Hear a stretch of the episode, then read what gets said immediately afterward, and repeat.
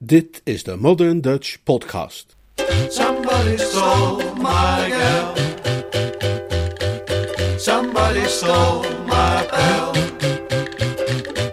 Somebody came and took her away.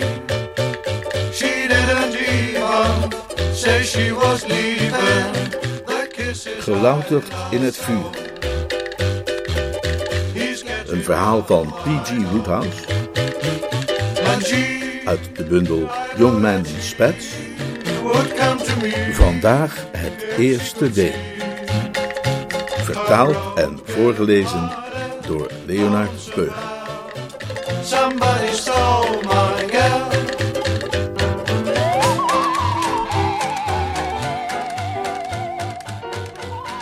Het jaarlijkse open podium van de Drones Club was juist afgelopen. En in het groepje dat zich in de bar verzameld had voor een afzakkertje, was men het er unaniem over eens dat het zesde onderdeel van het programma het hoogtepunt van de avond was geweest. De dolle conferentie van Cyril Fungi Phipps, bijgenaamd Barmy, en Reginald Twistleton Twistleton, die beter bekend stond als Pongo.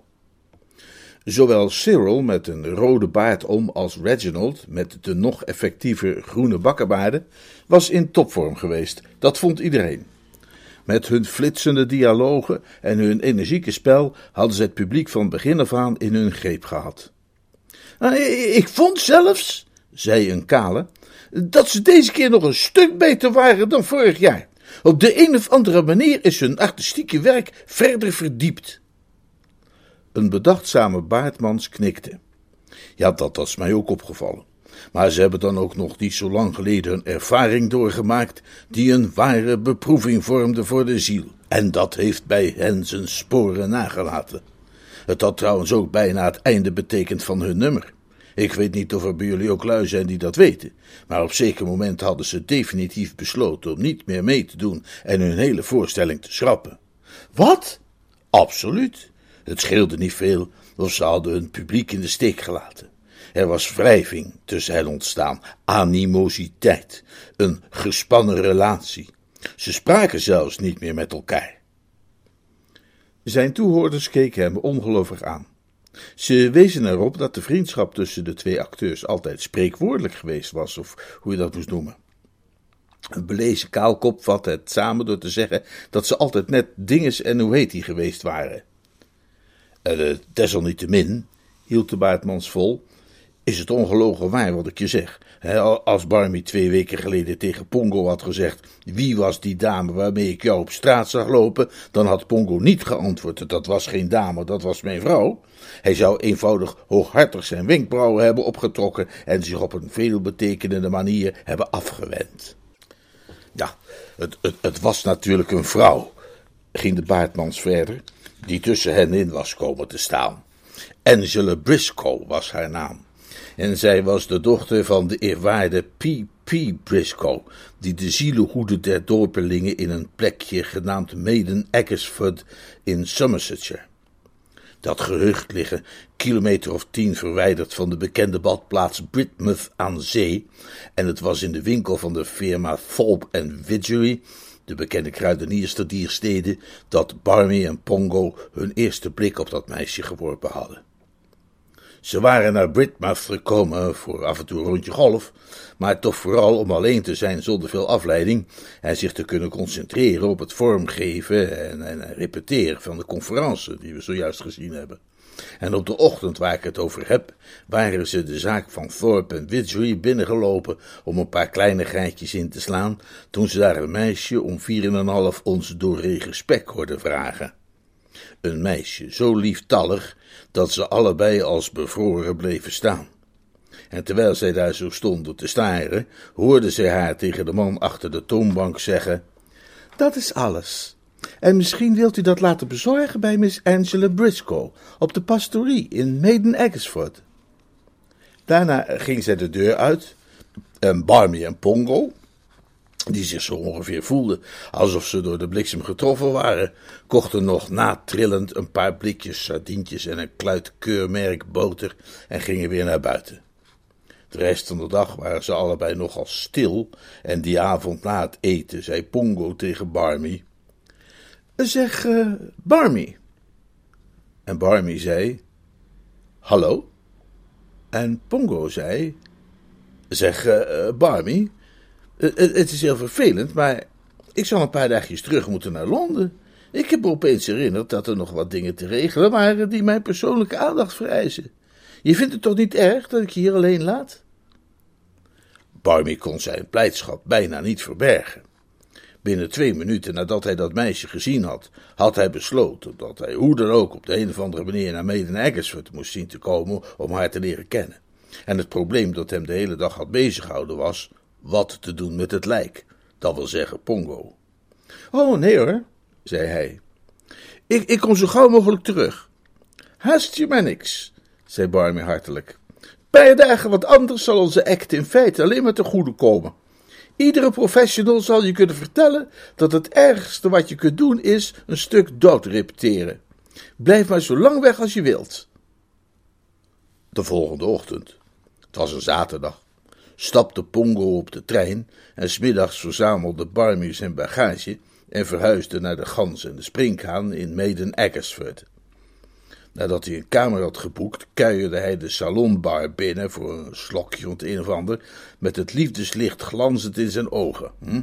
En het eerste wat hij zag was Pongo, die een praatje stond te maken met het meisje achter de tap. Geen van hen tweeën toonde zich erg blij in deze situatie, eerder wat terughoudend. Hallo, zei Barmy. Uh, hallo, zei Pongo. Jij hier? Ja, jij ook hier? Ja. Oh. Het bleef even stil. Dus, uh, je bent niet naar Londen gegaan? vroeg Barmy. Nee, zei Pongo. Oh, zei Barmy. En jij bent niet in Britmouth gebleven? vroeg Pongo. Uh, nee, zei Barmy. Oh, zei Pongo. Het bleef weer even stil. Je bent hierheen gekomen, zie ik, zei Pongo. Ja, zei Barmy. Ik zie dat jij ook hierheen gekomen bent. Ja, zei Pongo. Mal toeval. Helemaal. Nou ja, op je eeuwige jeugd en schoonheid dan, hè, zei Pongo. Heil en zegen, zei Barmy. Roos op je pad.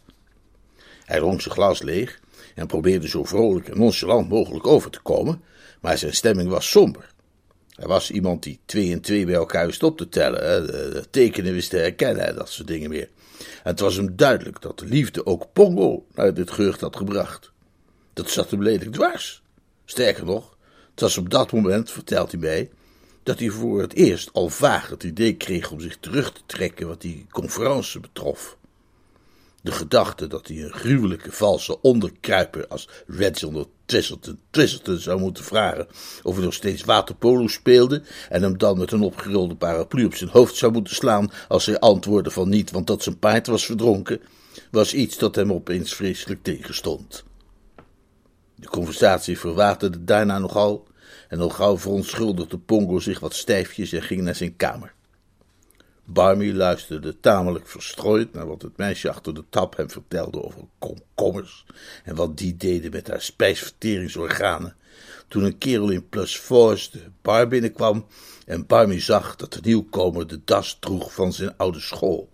Nou ja, je weet hoe het is als je ergens in een openbaar gelegenheid een vreemdeling tegenkomt die de das van je oude school draagt. Hm? Dan hou je gauw je hand voor je eigen das je schuift naar buiten voordat die kerel het ziet. Je in de kladden grijpt en een leutenverhaal begint. Hm? Wilde juist die strategie in werking zetten toen het meisje achter de tap deze sensationele woorden uitte. Goedenavond, Mr. Briscoe. Barmy stond erbij als betoverd. Hij wendde zich tot het meisje achter de tap en fluisterde hees. Ah, je nou Briscoe? Ja, meneer. Uit de pastorie? Ja, meneer. Barmy rilde ervan als een gelatinepudding. De ontdekking dat hij het waanzinnige geluk had de broer van het meisje dat hij lief had tegen het lijf te lopen, die dan ook nog een oude schoolkameraad was, maakte hem even helemaal week. Als je iemand van jou de school tegenkomt in een openbare gelegenheid, wil hij maar zeggen, dan stap je regelrecht op hem af om je met hem te verbroederen. Hè?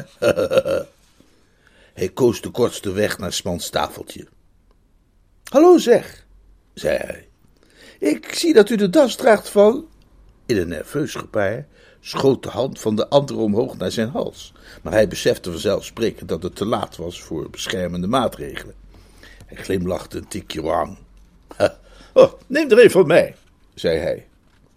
Nee, ik, eh, ik heb nog wat staan, dankjewel, zei Barmy. Ik zal mijn glas er maar meteen even bijpakken, niet? Het is altijd een plezier om iemand te ontmoeten van onze goede oude school. Eh, nou, zeker.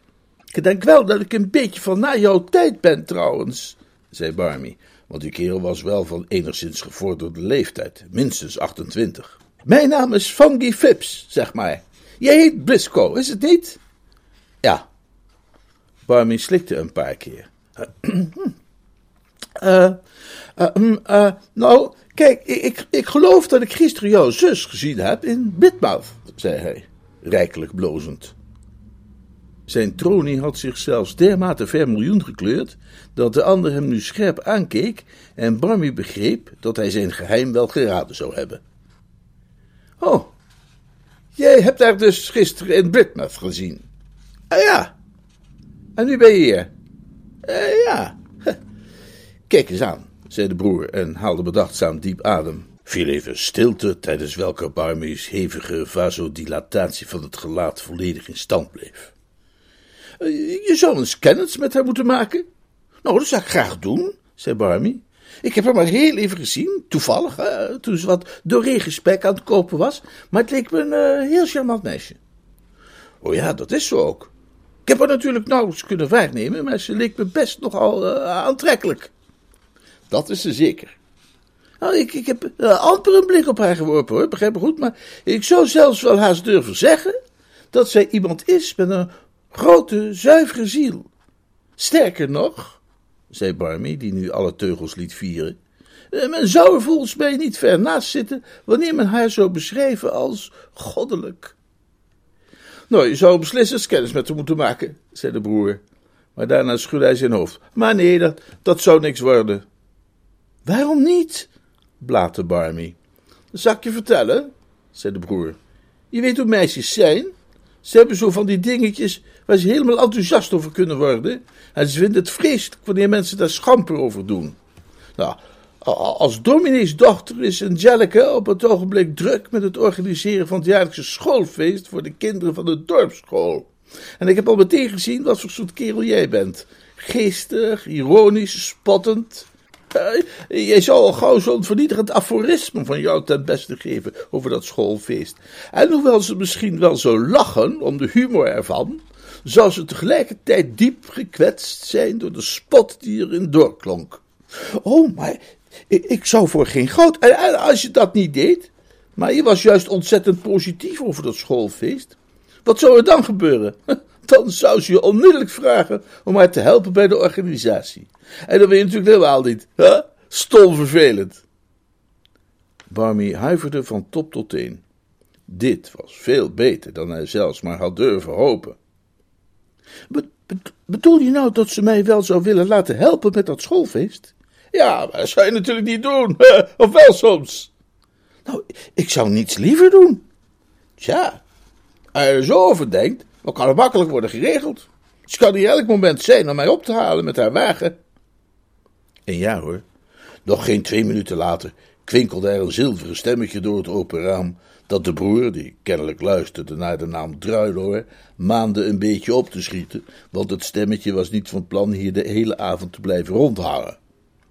De broer nam Barmy dus mee naar buiten, en daar was inderdaad het meisje, achter het stuur van een open sportwagentje. Hij stelde Barmy voor. Meisje straalde hem aan, Barmy straalde terug. De broer zei dat Barmy graag wilde komen helpen bij het schoolfeest. Meisje straalde hem nogmaals aan en Barmy straalde nogmaals terug. Auto reed weg, omdat het meisje hem te verstaan had gegeven dat de festiviteiten de volgende maandag zouden beginnen, twee uur precies.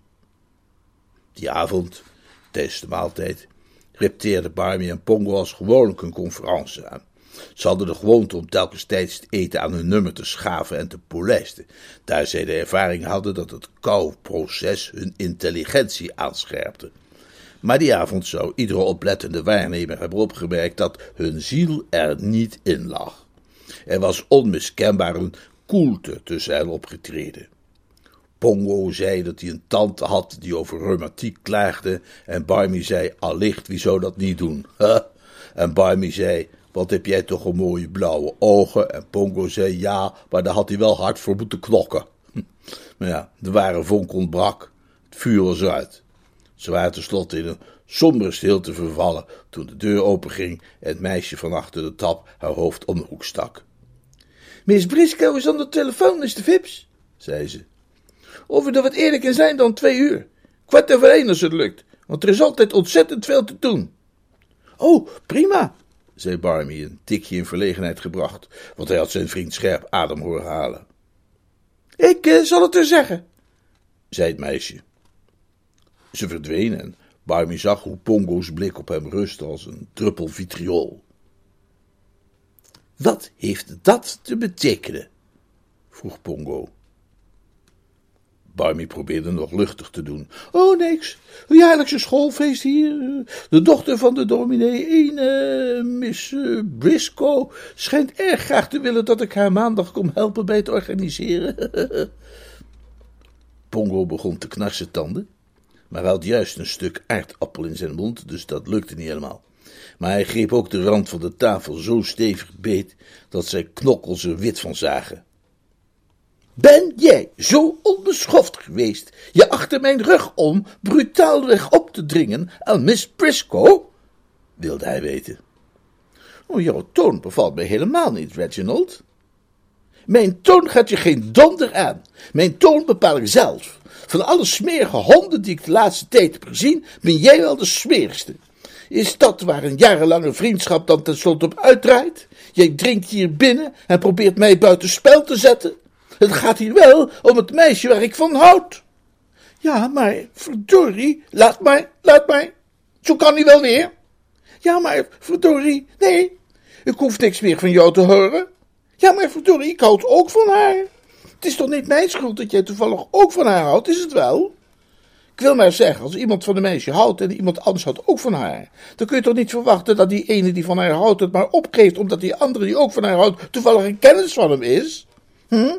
Als het om de liefde gaat, moet een mens toch voor zichzelf opkomen, of niet soms? Romeo of een van die andere jongens heeft zich toch ook niet teruggetrokken om een van zijn maten een plezier te doen? Tuurlijk niet. Dus ik begrijp niet. Alsjeblieft, zei Pongo. Er viel een stilte. Zou je mij misschien even de mosterd kunnen doorgeven, Funky Fips? vroeg Pongo ijzig. Tuurlijk, Twesselton, Twesselton, antwoordde Barmy al even vormelijk. Alsjeblieft. Het is altijd onplezierig wanneer oude vrienden niet meer met elkaar willen spreken. Maar om samen te zitten opgesloten in een muffe dorpsherberg met een oude vriend waarmee je het gesprek hebt verbroken, is eenvoudig rampzalig. En al helemaal wanneer het dan ook nog zondag is, zoals dat de volgende dag het geval was. Meden Eckersford is, als zoveel kleine dorpjes op het platteland, zondags niet op zijn best uit de dorpstraat hebt uitgelopen en de jubileumspompen grondig hebt bekeken, is er verder niet zoveel meer te doen dan naar huis te gaan en eventueel later nog een keer de dorpstraat uit te lopen voor een tweede blik op de jubileumspomp. Je zult er wellicht enig idee van kunnen vormen tot welke staat Barmy Funky Fips was gereduceerd aan het eind van die dag. Ak je vertel dat geluid van de kerkklok die geluid werd voor de vesperdienst en vanuit de gans en de springkaan de straat opriep alsof het een brandweersirene was geweest. De gedachte dat er in Maiden Eggersford ten lange leste toch iets ging gebeuren, waarbij niet exclusief het jubileumspompmotief werd benadrukt, wist hem sterk te beroeren. Met drie grote sprongen bevond hij zich in een van de kerkbanken. En naarmate de dienst vorderde, begonnen er zich vreemde emoties los te maken in zijn binnenste. De vesperdienst in een dorpskerkje in de zomer heeft iets dat zelfs de ongevoeligste mens niet onberoerd laat. Men had de deuren opengelaten en daardoor stroomde de geur van lindenbloesem en van violieren naar binnen, met het verre gezoem van bijen die daar buiten aan het dollen waren. Geleidelijk aan werd Barmy overspoeld door een golf van sentiment. Terwijl hij daar zo zat en luisterde naar de schriftlezing, werd hij een ander mens. De schriftlezing was uit het Oude Testament, iets over hoe Abimelech gewon Jasbo en Jasbo gewon Zacharias enzovoorts en zo verder. En dankzij de schoonheid van de woorden hè, en de rust en vrede om hem heen werd Barmy getroffen door groot gevoel van berouw. Hij had niet juist gehandeld, zei hij tegen zichzelf, met betrekking tot die brave Pongo. Het ging hier toch onbetwistbaar om een van de betere knapen die ooit zich aan een pijlsokken had gewaagd. En nu was hij welbewust bezig die jongen valselijk te beroven van het meisje dat hij beminde. Het was een smerige streek tegenover iemand die zijn makker was geweest sinds de dagen dat ze beide Eton-jasjes hadden gedragen. Een knaap die meer dan eens zijn laatste reep amandelpuur met hem had gedeeld. Was dat rechtvaardig? Hè? Was dat zoals het hoorde? Zou Abimelech zo gehandeld hebben tegenover Jasbo, of Jasbo, wanneer dat de vraag zou zijn, tegenover Zacharias?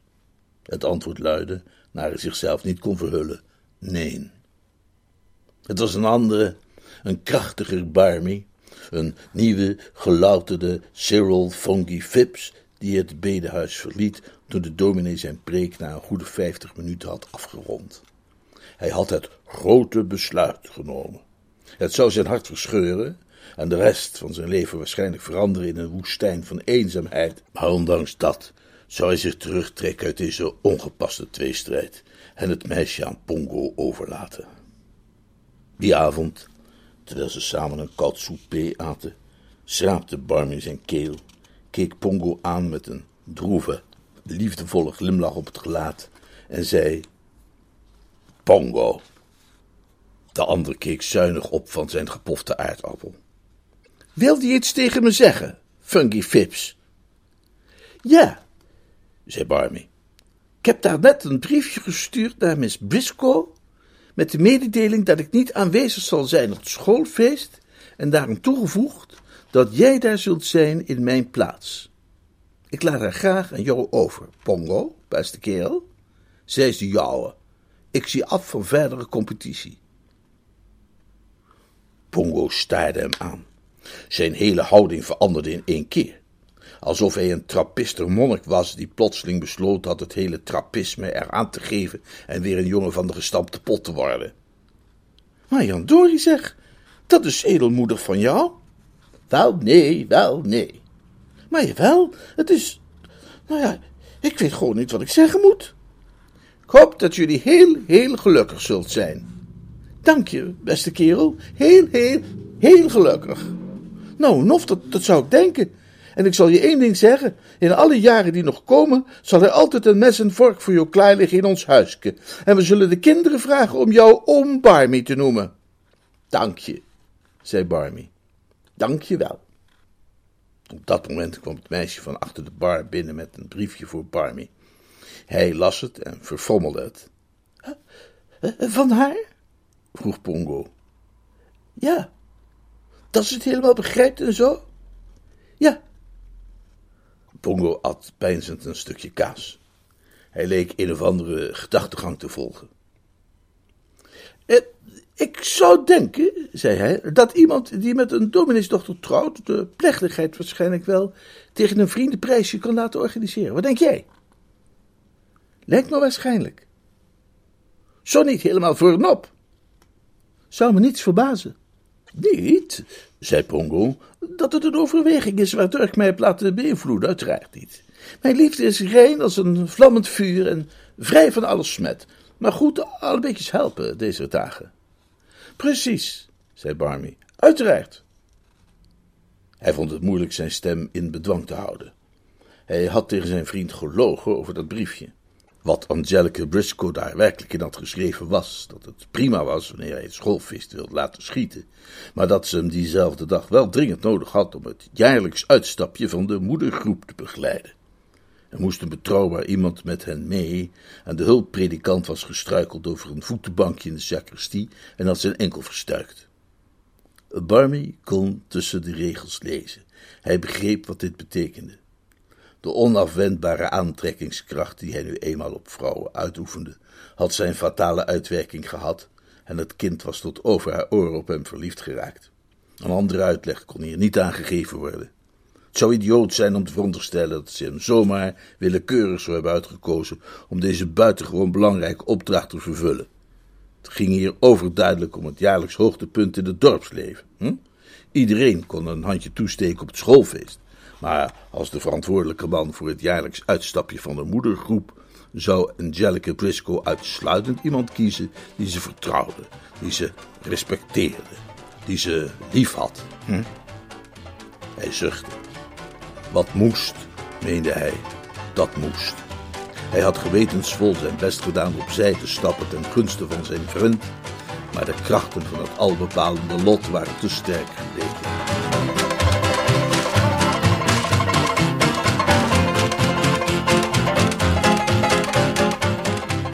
Dit was het eerste deel. Volgende week in de Modern Dutch Podcast het tweede en laatste deel. Somebody stole my girl. Somebody stole my bell. Somebody came and took her away. She didn't even say she was leaving. The kisses I love so. He's getting now,